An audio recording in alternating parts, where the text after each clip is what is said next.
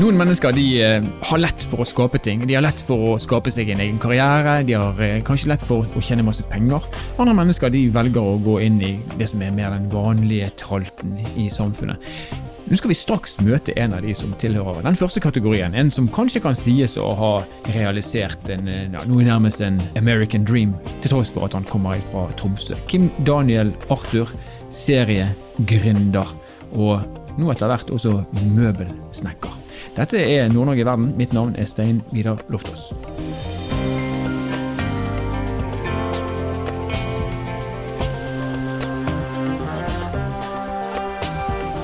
Bra du kan være med, Kim. Ja. Kanskje vi kan starte med at du forteller lytterne våre hvem du er. Ja, så Jeg er født i England. Faren min er engelsk, i en liten landsby sør med havet. Veldig fin plass. Og mens jeg er oppvokst i Tromsdalen, eh, og er veldig veldig stolt av det. Jeg tror de fleste som er fra Tromsdalen, er ganske stolt. Jeg har vært en, en ordentlig datanerd helt siden jeg var liten gutt. Eh, Og mamma var veldig på meg at jeg skulle ikke bare spille, men prøve å lage ting. Jeg tror det var med å, å gi meg retning. At man blir utfordra. Eh, ingen begrensninger på bruk av datamaskin, men eh, at man blir trigga til å, å lage noe. Så det har jeg holdt på med hele livet eh, rundt omkring i verden, og holdt på med data. Og så har jeg blitt møbelsnekker på mine eldre dager, og rukka blitt 40 år. Ja. Har fire barn. Ja. Det er jo kanskje viktig å få med. Stor glede. Fire barn i, i barneskole og barnehagealder. Eh, Så det gjelder jo å tenke på hvordan skal man kanskje prøve å, å stimulere dem også i livet, uten å påføre dem så mye av sine egne personligheter, men gi dem de mulighetene som man sjøl har fått.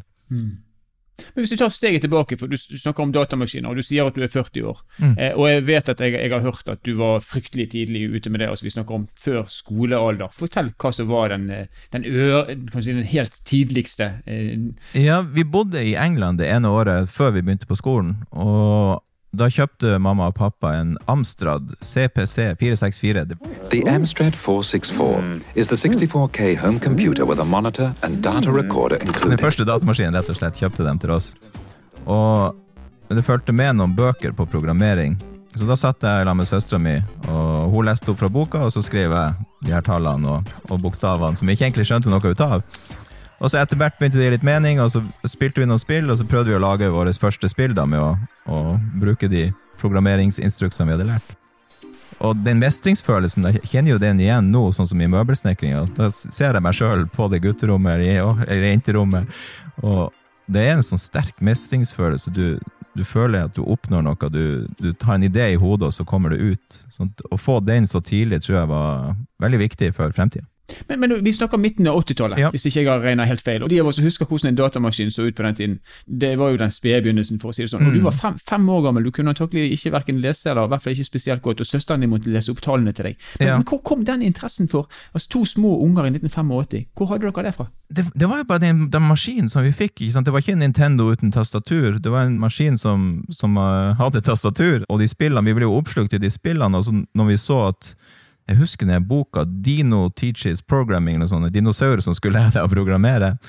Og det magiske å se at når du skrev de abstrakte tallene og bokstavene, og så kom det noen fine prikker og Det var, det var noe bare sånn forledende at, at man kunne lage noe Altså Da tenker man jo ikke sånn, da er det jo sikkert bare at det er spennende å få den maskinen til å gjøre noe, men i, sånn, ettertid ja, nei, Utrolig sånn motiverende. Så, og, jeg tror det har litt det er kanskje litt sånn rart, men det har litt med en maktfølelse òg. Du har jo kontroll over den maskinen. Et område som du, ingen andre eksterne påvirker. Det er du som bestemmer hva som skjer på den maskinen. Jeg tror det er ganske befriende for når man er, er små. Ja. Men maktfølelse og mestringsfølelse, og hvis du altså i et retroperspektiv og ser hva, Mm. hva de her tingene da i sum har utløst hos deg, tenker du, er, vi- er, vi, er vi flinke nok, Mm. altså både i oppdragerrollen og kanskje i dette her med å stimulere til næringsvirksomhet, er, vi- er vi flinke nok til å tenke at det er utløsende faktorer for noe som kan skapes på et senere, kanskje senere tidspunkt og gi stor verdi? Jeg tror det er jeg vil si ok, hvis vi tenker på skolesystemet. da. Først så, så har vi jo etter hvert blitt litt mer praktisk orientert, tror jeg, med prosjekt og, og tverrfaglige oppgaver. Men det er jo det med tid. Jeg tror at den tida man har på skolen til å følge opp hvert barn og, og se hva hvert barn eh, kan brenne for, er kanskje ikke der. Så da er jo foreldrerollen ganske viktig, og hvordan man gjør det. Og der er det jo en, en million forskjellige tilnærminger. Eh, jeg tror bare at, at Bill Gates, jeg tar det eksempelet, han sier jo at det som gjorde at han brøyt igjennom, kan du si, var at han fikk tilgang til den datamaskinen på kontoret til faren. Så hvis man bare tenker det å gi tilgang inspirere til å prøve forskjellige ting. Ikke påføre noe retning, men inspirere og, og gi tilgang. Og se om det her er noe barnet tenner på, så har man jo gjort mye. Det er jo barnet og energien som skal drive dem, så lenge man ikke setter begrensninger på dem. Så det er jo ikke noe fasitsvar, men jeg tror på skolen, hvis vi kan se på det, så tror jeg man har ganske mye mer man kan gjøre for å stimulere til denne skapertankegangen. Og de, de som man kanskje ser på som skapere, kanskje man kobler det med en slags ekstrovert oppførsel. Jeg tror ikke man må se etter de mønstrene. De fleste som har jobba med i spillbransjen, i hvert fall, er jo de mest introverte som ikke uttrykker det på utsida, men har den verden i hodet sitt som bare blomstre. Men det er jo interessant når du sier 'gi tilgang til', Uh, og så vet vi jo at i Mm. hvert fall alle vi som er, er eller har vært i oppdragerroller, vi har jo kanskje vært mer opptatt av å begrense tilgang. Mm. Jeg tror, Det så jeg faktisk på Netflix sin sånn forretningsstrategidokument, så sier de kontekst og ikke kontroll. Og det er jo litt sånn abstrakt, men jeg tenker at hvis man gir tilgang til noe, og gir en slags kontekst, her kan du skape noe, her kan du gå i en retning, så har du lagt en, en veldig god grunnlag. Og ikke, ikke noen kontroll at du skal styre og si nå skal du bruke tid her, eller du får ikke bruke tid her. Da har du på en måte lagd noen fiktive rammer som, som ikke trenger å være der. Så jeg er jo veldig liberal på det her med skjermtid. Det er jo et, en stor diskusjon blant mange. ikke sant? Hvor mye tid skal man gi folk på skjermen? Og nå er jo en skjerm er jo så ekstremt mye, og du ser på ungene hvis de er på iPaden, så det er veldig vanskelig å kategorisere hva er positiv skjermtid, og hva er negativ skjermtid. Det finnes jo begge deler. Men å lage det en sånn éntimes maksgrense per dag, det, det er jo veldig personlig, men jeg syns det er en, en litt rar grense å skulle følge opp, når du kan vite at på skjermen så kan du sitte og designe klær. Dattera mi, Sara, hun, hun er ti, hun er så glad i å sitte og designe mønster og klær og, og ting. Hvorfor skal jeg begrense hennes skjermtid? Det virker ikke mening. Og så tenker jeg også, jeg må bare si liksom på konsum. Man sier ok, det er jo passiv skjermtid hvor du kanskje ser på YouTube eller konsumerer, men den overgangen fra å konsumere til å produsere er så kort. Altså en inspirasjon du får fra å se på og følge med. Om så det var en timevis med Fifa-videoer. jeg tror at den inspirasjonen du får av å se andre som bryr seg om noe, er, er stor. Så Derfor er jeg veldig liberal på skjermtid, og heller gi litt sånn kontekst og ba, sånn bakgrunn for hva de ser på, og hvorfor det er lagd. Og, og, ja. Vi skal snakke mer om det her, men vi skal hoppe tilbake igjen til historien om, eh, om Kim Daniel eh, aller først. Eh, For du, du snakker om den første datamaskinen i 1985, og så vet jeg at du fikk mestringsfølelse, og du fortsatte å programmere. Og så kom det en korsvei som man kanskje kan definere med Nokia 3410. ja. Nokia 3410 ble lansert i 2002, og det er den lille, kompakte telefonen som du kanskje husker, med integrert antenne, batteri som varte i dagevis, og med ganske skjærende ringetoner. Og så hadde han en liten og rektangulær svart-hvitt-skjerm, han var kanskje litt sånn grønnaktig, og denne skjermen den var altså akkurat stor nok til at man kunne lage spill på den. Og det var gjennom denne lille skjermen at Kim så sitt snitt til å lage det som den gang var revolusjonerende spillopplevelser. Jeg hadde min første jobb som lærling på en lokal IT-bedrift som eh, heter ITET. Og, men drømmen var jo å lage spill, så jeg satt jo på kveldene og holdt på å lage spill. Og da lanserte Nokia 3410, som var den første telefonen hvor man kunne laste ned nytt innhold. Og den telefonen var jo veldig begrensa, det husker vi jo, den var jo veldig søt da. Eh, Men der kunne jeg som enkeltperson lage et spill alene, for det var en liten skjerm og to farger. Og, og det ga meg en mulighet til å, å komme i gang, sammenlignet med en PlayStation da, med masse hundrevis av folk som lager spill. Og da, Jeg trengte ikke å kjøpe noe annet enn den telefonen jeg hadde, og, og snakka med folk på nett for å lære hvordan man gjorde det, og kom i gang. Og så viste det seg jo at der var det et eh, selskap i England som hadde sett noen muligheter eh, som jeg kom i kontakt med via et forum, og fikk min første da inngang. Faktisk mitt, uh, mitt første ordentlige jobbintervju uh, etter jeg hadde lagd det her spillet. 20 år gammel, uh, og Ja. rett ut av yrkesskolen, knapt nok ferdig, også til England Ja. på jobbintervju. Og det var litt spesielt. Jeg husker jo, sant, jeg kom i kontakt med dem på nett, og så da var det jo mer en sånn uformell chat på noen programmeringsgrupper. Uh, de hadde nettopp starta opp, og trengte noen til å lage spill. Og så sier de nå får du én uke på deg til å lage et spill til oss, og du får betalt for det, men det er en del av på en måte, testen. Så da heiv jeg meg rundt og, og lagde spill, og tok det med og reiste til England. Eh, Og da husker jeg moderen eh, sa må du huske å ta på deg dressen når du skal i jobbintervju. og kontoret var i Knightsbridge i London, ikke sant, rett attmed Harrods og de flotte områdene. Og så gikk jeg kvelden før frem og tilbake utfor det her kontoret for å se hvor jeg skulle, jeg ble jo mer og mer nervøs. det så så flott ut. Og kom inn i dressen, eh, og der kom han som skulle intervjue meg i T-skjorte og joggebukse. Og det første vi skulle gjøre, var å spille et spill i lag. Sånn at den der frykten, det var kanskje en, en, en oppvåkning, at den frykten man gjerne har før man går inn i noe, er veldig fiktiv. Eh, Og det å møte noen som bare sånn, ville ditt beste, og et jobbintervju handla mer om bare å bli kjent og, og, og se om ting passa. Så det var, gikk det bra. Så flytta bort og fikk gleden av å være med i det her selskapet. Det var bare fem stykker, så helt fra starten av. Flytta til London når du var 20 år gammel og inn i et femmannsselskap. Hvordan gikk det med selskapet? Eh, Det gikk eh, over all forventning. Det er jo en sånn, Vi traff på timinga. Mobilverden vokste opp, og man fikk muligheter til å laste ned innhold, og folk begynte å spille på maskinene. Og vårt selskap vokste i, i takt med det. Og eh, Vi ble 30 stykker i London, og da fikk jeg sp- spørsmål om jeg kunne lede den utviklingsavdelinga som lagde spillene. Så mine ansvar vokste jo samtidig som selskapet vokste. Og vokste enda videre, og fikk spørsmål om jeg kunne reise til Kina og sette opp avdeling der borte. Da var jeg jo 26, 25-26, og har jo ingen utdannelse eller erfaring innenfor verken forretningsdrift eller ledelse. Så det husker jeg, det, det spørsmålet, Kim, kan du reise til Kina og sette opp utviklingsavdeling, var jo en sånn stor trigger. Det hadde jeg selvfølgelig lyst til, men da kom alle de her grunnene og tankene hvorfor jeg ikke skulle klare det, kom opp i hodet. Og jeg satt og skrev svar, for jeg fikk det på e-post fra han storsjefen i USA. Vi hadde blitt kjøpt av et amerikansk selskap eh, før det. Og jeg hadde skrevet en lang liste med alle grunner hvorfor jeg ikke var rett person, men jeg kunne godt gjøre det. og da spurte, så visste jeg til en kollegaen min meg, og så sier jeg, kan jeg sende den her e-posten? Så han, vil du til Kina? Ja, det er klart jeg vil til Kina. Ja, men da skriver du bare ja. og så reiser vi bort og heiver oss rundt, og eh, det var en fantastisk reise. Det var i 2006. Og det jeg visste om Kina, var et rødt flagg. Jeg hadde hørt om kommunisme, og at i hvert fall som leder der, så må du være veldig autoritær, og, og folk forventer at man er det. Og det er jo en veldig stor motsetning til hvordan jeg faktisk er.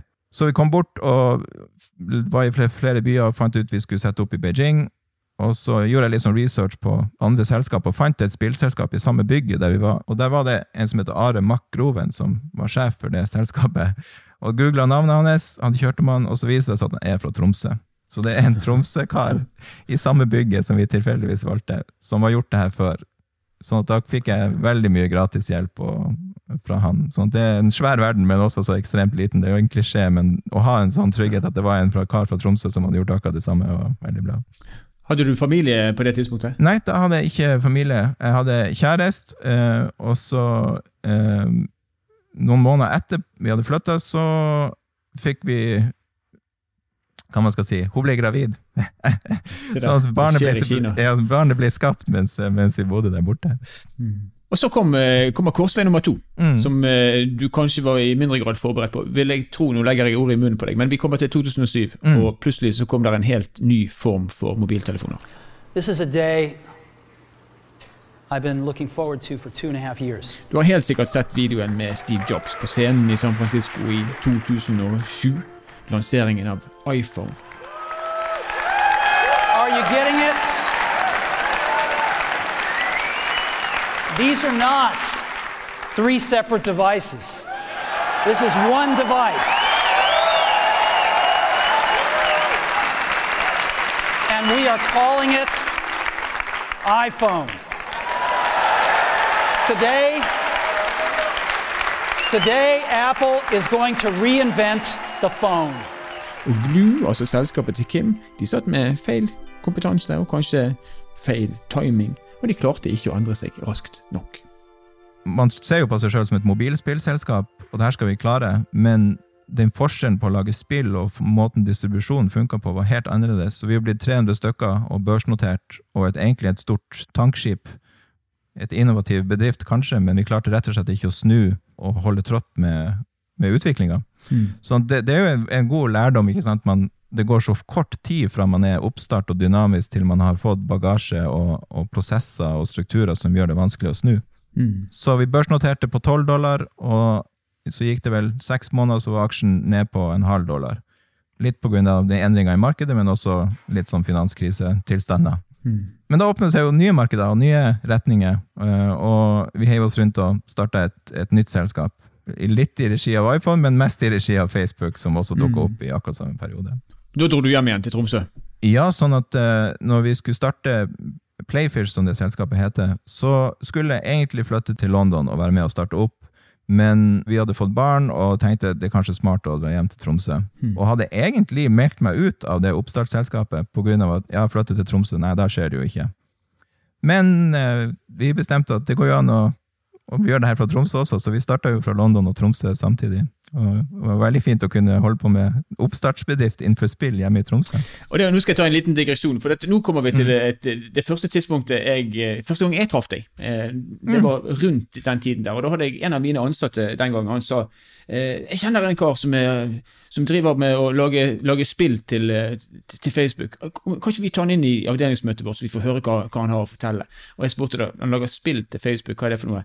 Ja, han lager noe sånn dyr, og det er en kjempesuksess. Og da tenker, husker jeg at jeg tenkte ja, det er sikkert en kjempeidé, det høres jo ut som en fantastisk idé. Og egentlig var det litt sånn sarkastisk i tanken min. Eh, Men det var første gangen jeg hørte fra deg. Og Playfish det ble jo en dundrende suksess. Ja, det, det var jo ganske sprøtt, og, og denne inngangen er jo alltid Jeg syns det er en veldig grei, sånn naiv inngang. Nå skal vi lage noen koselige spill som vi er glad i å lage, og så se Da var vi jo blitt litt eh, mer sånn fokusert på marked og hvordan ting funka i businessen. Men den veksten, ikke sant. Facebook åpna opp hele sin plattform med hundrevis av millioner av brukere og sa lag innhold som folk kan kose seg med her. Og, og timinga igjen traff vi veldig heldig. Det er jo flaks med den timinga, men vi lagde jo spill som vi likte å, å spille, som involverte folk og mennesker. Så forskjellen på der ikke sant, å lage spill til noen på Facebook er jo noe helt annet enn det å lage spill til noen som faktisk er gamere. Så de spillene kan du si var jo ikke akkurat de mest fantastiske sånn spillmessig, men det hadde alle de virkemidlene som trengtes for å få folk eh, gira i en sosial setting som Facebook er. Forklar hva du mener med det. Hvis man ser tilbake, hvis man klarer å huske tilbake til Det var jo 2007-2008 når man først brukte Facebook. Det ble jo en slags måte å uttrykke seg sjøl på, vise sin identitet på. Kanskje måle seg med andre mennesker. Og, og spillene våre spilte jo på alle de triggerne. Spillet ble rikere jo flere folk du hadde i det. Spillet ble bedre jo mer av din personlighet du viste gjennom spillet. Sånn at uh, spillet ble jo en slags uttrykk for deg sjøl, og du ville bruke det som en måte å kommunisere hvem du er på. Og det er jo veldig sterkt. Og så hadde vi mye sånne snike triks. eh, veldig sånne, sånn Vi gikk fra å være spillutviklere som tenkte på grafikk og skjerm, til å være mer sånne uh, oppførselspsykologer, behavioral psychologists, som brukte masse kyniske triks for å, å få folk til å bruke mest mulig tid og involvere flest mulig av vennene sine. Så det er jo det, Da følte jeg noen ganger at det var blitt litt kynisk og litt hard. Ja, for du gikk over fra å tenke hva er det som gleder folk, til, til å tenke hvordan kan jeg skape avhengighet, kanskje? Ja. Eller? Altså, Ja. vi var jo veldig tidlig ute med å, å måle, samle data og måle bruk av spill, og alt vi gjorde handla om å makse, maksimere tida man brukte, antall venner man inviterte og fikk inn i spillet, og penger som man tjente. Altså, vi kunne forutse oppførselen. Vi kunne si, sette et flagg på en bruker at nå er denne brukeren inne i en sone hvor de mest sannsynlig skal kjøpe noe, eller er en sterk distributør av spillet vårt og kunne trigge dem videre. Sånn at uh, vi hadde jo folk, en dame som brukte 18 000 dollar i et spill. Det er ganske mye. Og folk ikke sant, som du vet at det går ikke an å komme så langt i det spillet hvis ikke du spiller det i hvert fall ti timer om dagen. Så man har skapt en enorm avhengighet. Og det syns jeg var ondt. Men du driver en oppstartsbedrift, du ser tallene går opp, det er enorm vekst. Man blir hekta på det, rett og slett. Du snakker jo innledningsvis om denne følelsen av å ha makt over maskinen, og nå er det kanskje da flytta seg til å kanskje ha makt over brukerne. Er det en egenskap som man må ha når man skal skape ting, eller er det noe man etter hvert erfarer og, og begynner å anvende? Jeg tror ikke man, det er en egenskap man trenger å ha, eller har på en måte. Altså, hvis jeg ser på min personlige opplevelse, er jo gleden av å ha lagd noe, og se at det her er artig, og se at andre syns det er artig, er jo bunnen i det. Og så har du, la oss si du tar det helt konkret, du har lansert et spill, du er litt sånn nervøs, blir folk og syns det er bra, er det et bra spill, og så treffer det, og så bruker folk det og blir engasjert. Og da begynner du å se på tallene. Og da er jo tallene viktige for, for det. Det er jo sånn kvantifisering av hvor god det har vært. Og da vil du at tallene skal gå opp, og da bruker man all sin hjernekapasitet for å få de tallene til å gå opp, og glemmer kanskje konsekvensene av det sosialt sett. Men jeg tror, ikke, jeg tror ikke det er nødvendigvis noe man har før, eller en kunnskap man kan liksom lese seg opp på. Det er mer en sånn erfaringsbasert, og hele kulturen i selskapet, fokuset i, i øyeblikket. Men Playfish det gikk holdt på å si, inntil tre vokser inn i himmelen, men noen gjør det nesten, og Playfish var et sånt eksempel, og dere ble etter hvert solgt. Ja, så etter um, to år så hadde vi nådd 280 millioner brukere. Og 280 millioner brukere? Ja. ja. Hver dag var det 13 millioner mennesker inne i spillene våre. Og det er et enormt nedslagsfelt for andre spillselskap som har mer tradisjonelle ikke sant, igjen PlayStation. Folk har brukt 5000 kroner for å kjøpe en PlayStation og 600 kroner på spillet. Mm. Vi nådde jo en helt annen målgruppe, både alder, geografi. Sånn at det var veldig interessant for et stort spillselskap å få tak i de brukerne. Og vi ble solgt for 400 millioner dollar etter to år. Og det er jo helt wow. sykt. etter to år. 400 ja. millioner dollar. Helt absurd. Ja, og, her, og, du, og, du, var en av eierne i dette selskapet? Ja, vi, i starten fikk vi eh, Vi var ti stykker. Jeg hadde ikke så mye penger til å gå inn med, så da var det mer snakk om hvor mye lønn skal du ha. Og du, hvis du tar mer lønn, så får du mindre aksjer. Men jeg endte opp på salgstidspunktet med 1,75% av de aksjene. Av fire, så 1,75% av 400 millioner dollar rett inn på kontoen til Kim Daniel Arthur i Tromsø? Yes, og da var det fra minus på kredittkortregning til Det var jo som man fikk SMS når beløpet kom inn på kontoen, og det er jo noe av det sykeste man kan oppleve. Jeg husker jo perioden frem til det. ikke sant? Mitt ansvar i selskapet var de, de teamene rundt i verden som lagde de spillene, og jeg måtte i, sånn, i en oppkjøpsprosess så må man jo presentere selskapet til dem som skal kjøpe, og mitt ansvar var da å presentere produktene, produktstrategi og hvordan vi lagde det. Så jeg bruker å tenke tilbake og si at du har er det fem? Hvor mange retter må man ha på Lotto? Seks? Seks retter? Syv retter hvis du skal ha full pott. Takk. Ja. Sånn at uh, det som har seks retter på Lottoen, og du får lov å bestemme om du får det syvende tallet eller ikke. ikke sant. Ja. Så det var altså det å være på en posisjon hvor man har på en måte forhandla oppkjøpssummen, og så skal man gjøre de siste rundene med, med presentasjoner og due diligence. Ganske skummelt, men enormt altså, Pengene det er jo også i en klisjé. Det er jo ikke det som er viktig, selv om det er livsendrende. Det var liksom bare den der enorme bekreftelsen på at nå har man gjort noe bra, i teorien. Mm. Men pengene må jo gjøre noe med deg, det òg, tenker jeg. Fra å ha overtrekte kredittkort, som du vel eh, eh, så vidt nevnte at du, at du hadde plutselig og ikke, ikke, måtte tenke på det. Hva, hva, gjør det med måten du tenker på? Altså? Det er, jeg var jo 30 år og hadde jo aldri hatt tilgang til så mye penger, aldri drømt om det, aldri tenkt på det. Så selvfølgelig blir det en, en helt radikal endring.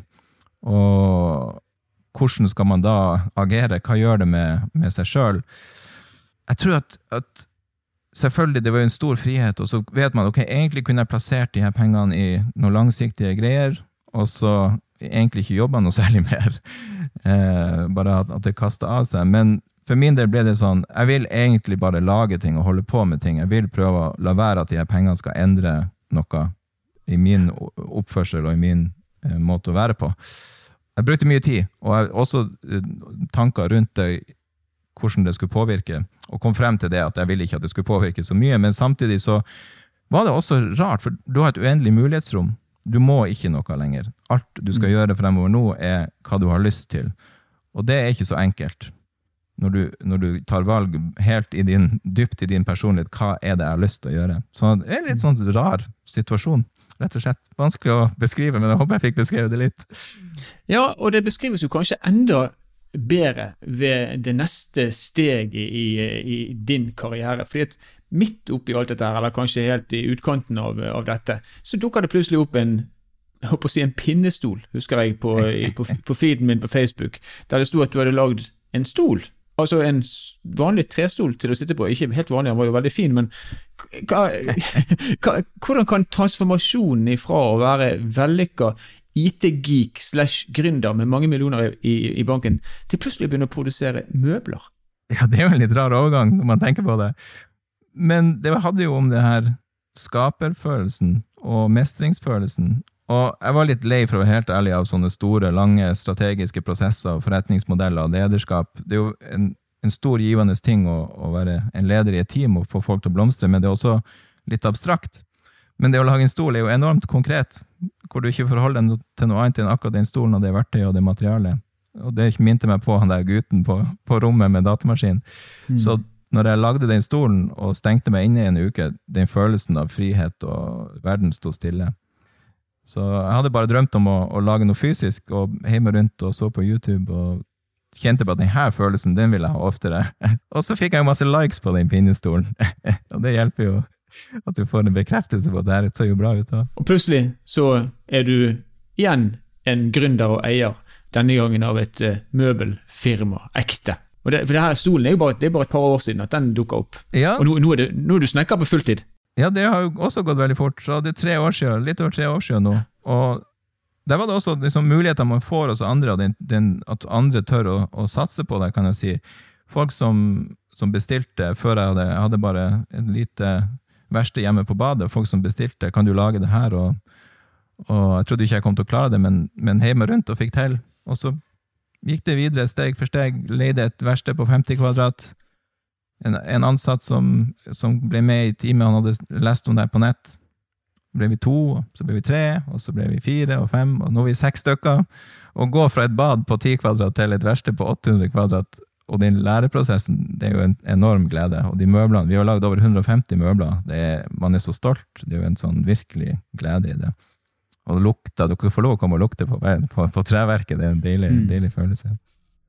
Men du, du, er ekstremt beskjeden i måten du legger ting frem på. for det, du, høres, du, får det til å høres ut som at det er litt sånn tilfeldig at ting skjer. Men samtidig så virker det jo, sett fra utsiden, så virker det jo som om det meste av det du tar i, blir til gull. Er det, Fins det noen grenser for hva, hva, du kan holde på med, egentlig? Jeg, jeg tror man har jo gjort masse feil. Og det er jo en viss grad av tilfeldighet i alt. Og jeg tror at når folk bruker tida si på energien sin på noe man liker, så har man mye, mye større sannsynlighet for å å ha suksess. Jeg tror ikke det er noe unikt med meg eller min tilnærming. Jeg tror bare vært at man kanskje har tort å gjøre noe som man er veldig glad i. Og når man gjør noe som man er veldig glad i, så blir det som oftest bra.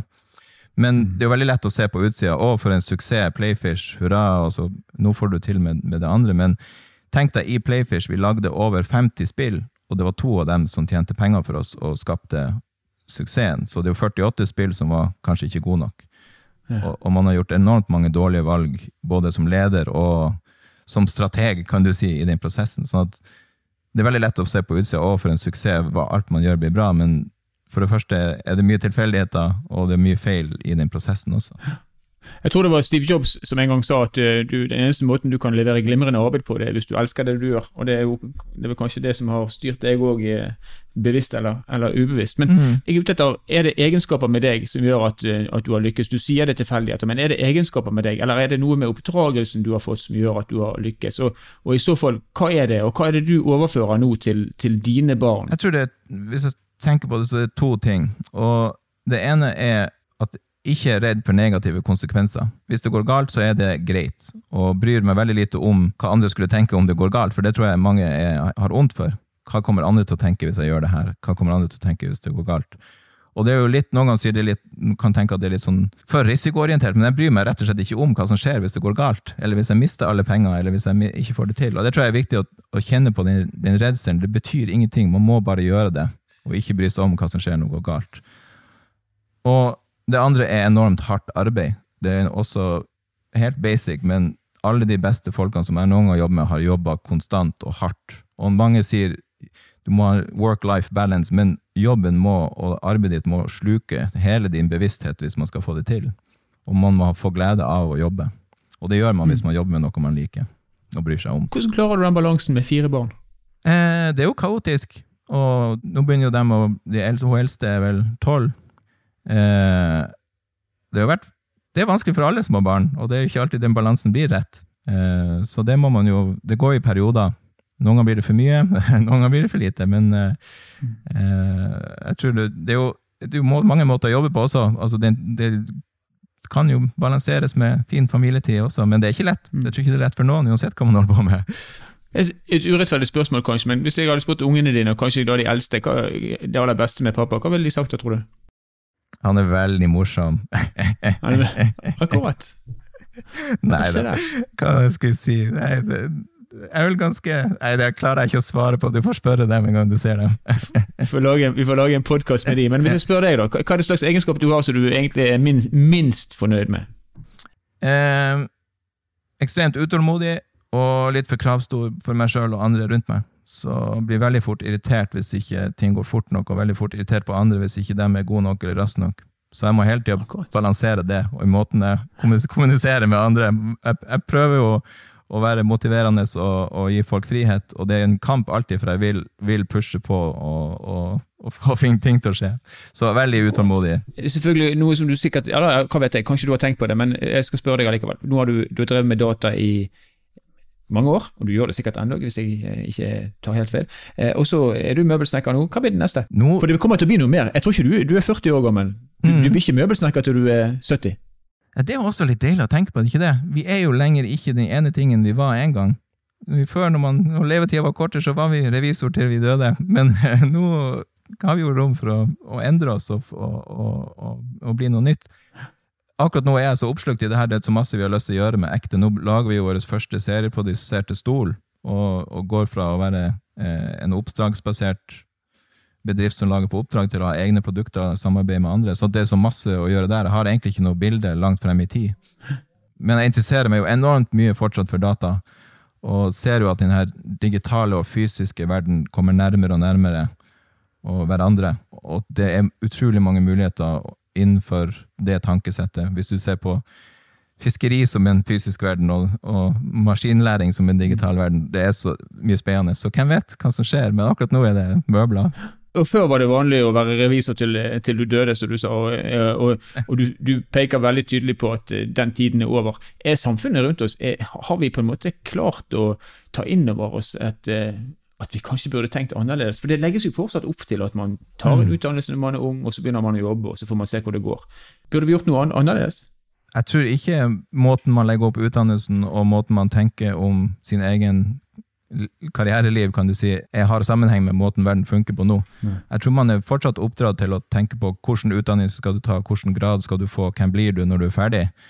Og det setter masse falske forventninger og tanker i, i ungdommer, tror jeg. At jeg må ta et valg, jeg må bli det. Men så vet man at verden er så annerledes, og de kunnskapene man trenger, og den måten man skal komme seg frem i verden, er så annerledes enn før. Sånn at jeg tror det henger litt etter. Og jeg tror at eh, eh, forhåpentligvis klarer man å endre måten skolen og universitetene funker på, til å tilpasse seg mer. Og Jeg hadde tenkt å stille deg det siste spørsmålet med hva er rådene dine til de som ønsker å bli gründere, men jeg skal bare snu på det. skal jeg si. Hvis du hadde hatt eh, en halv time med Erna Solberg, Mm. Hva råd ville du gitt henne i forhold til å forme fremtidens Norge? Eh, um, det er jo et veldig interessant spørsmål. Eh, det må begynne tidlig, så tidlig som mulig i, i skolen og skolesystemet, og inspirere til å skape og, og tenke eh, tverrfaglig, tenke på tvers av, av de siloene som er der i forhold til fag og yrkesgruppe en ting jeg alltid bruker å si som er litt sånn kontroversiell, er jo den her eh, sidemål og nynorsk. Må vi virkelig bruke tid på det? Det er jo mange som blir irritert på meg når jeg sier det, men tenk hvis vi hadde skaperfag så tidlig. Stimulerte til å skape, lærte matematikk gjennom å lage ting, gjennom å spille spill. Eh, jeg tror det hadde vært en enormt god start, og så kunne ta det videre opp i høyere utdanning. Tettere samarbeid, mer praktisk høyere utdanning, tettere samarbeid med næringsliv. Eh, mindre fokus på isolerte fagfelt, mer fokus på et sluttprodukt og rett og slett å, å bryte ned de eksisterende linjene som er der. Så jeg tror jeg ville bare fokusert på utdanning og utdanningsløpet. Eh, det er selvfølgelig masse man kan gjøre med økosystem og virkemidler for finansiering, men jeg tror i det lange gamet så er det det utdanningsbildet som er viktig. Og kanskje er det din neste karrierevei. Utdanningsminister Kim Daniel Arthur. Jeg, jeg vet jeg skal benytte anledningen til å tipse om det. Tusen takk for at du kunne være med oss, Kim Daniel. Veldig hyggelig. Ha det bra. Så det går altså an å begynne nærmest ved en tilfeldighet eh, å programmere data, og da noen år senere ende opp som eh, suksessrik møbelsnekker. Og i en alder av 40 år, vel, jeg er helt sikker på at vi har ikke sett det siste, eller hørt det siste ifra Kim Daniel Arthur fra Tromsø. Så vil tiden vise da hva den neste gründerideen hans blir, og hva den neste posisjonen vi kommer til å se han i, kommer til å være. Det blir spennende å følge med. Nord-Norge i verden er en podkastserie som produseres av Sparebank1 Nord-Norge i samarbeid med Helt Digital. Musikken du har hørt er laget av Emil Karlsen, og mitt navn er Stein Vidar Loftaas. Vi høres igjen i neste episode.